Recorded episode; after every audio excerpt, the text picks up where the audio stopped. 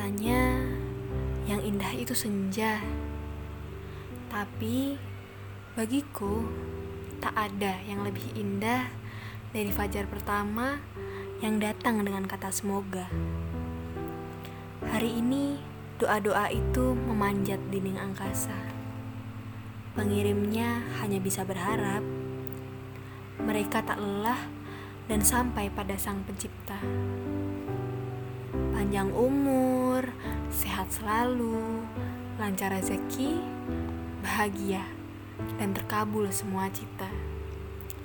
Mungkin terdengar biasa, tapi semoga Tuhan tak bosan dan tutup telinga. Teruntuk raga yang kini bertambah usia, selamat ya. Ada satu pintaku, titip jiwa, dia sudah banyak terus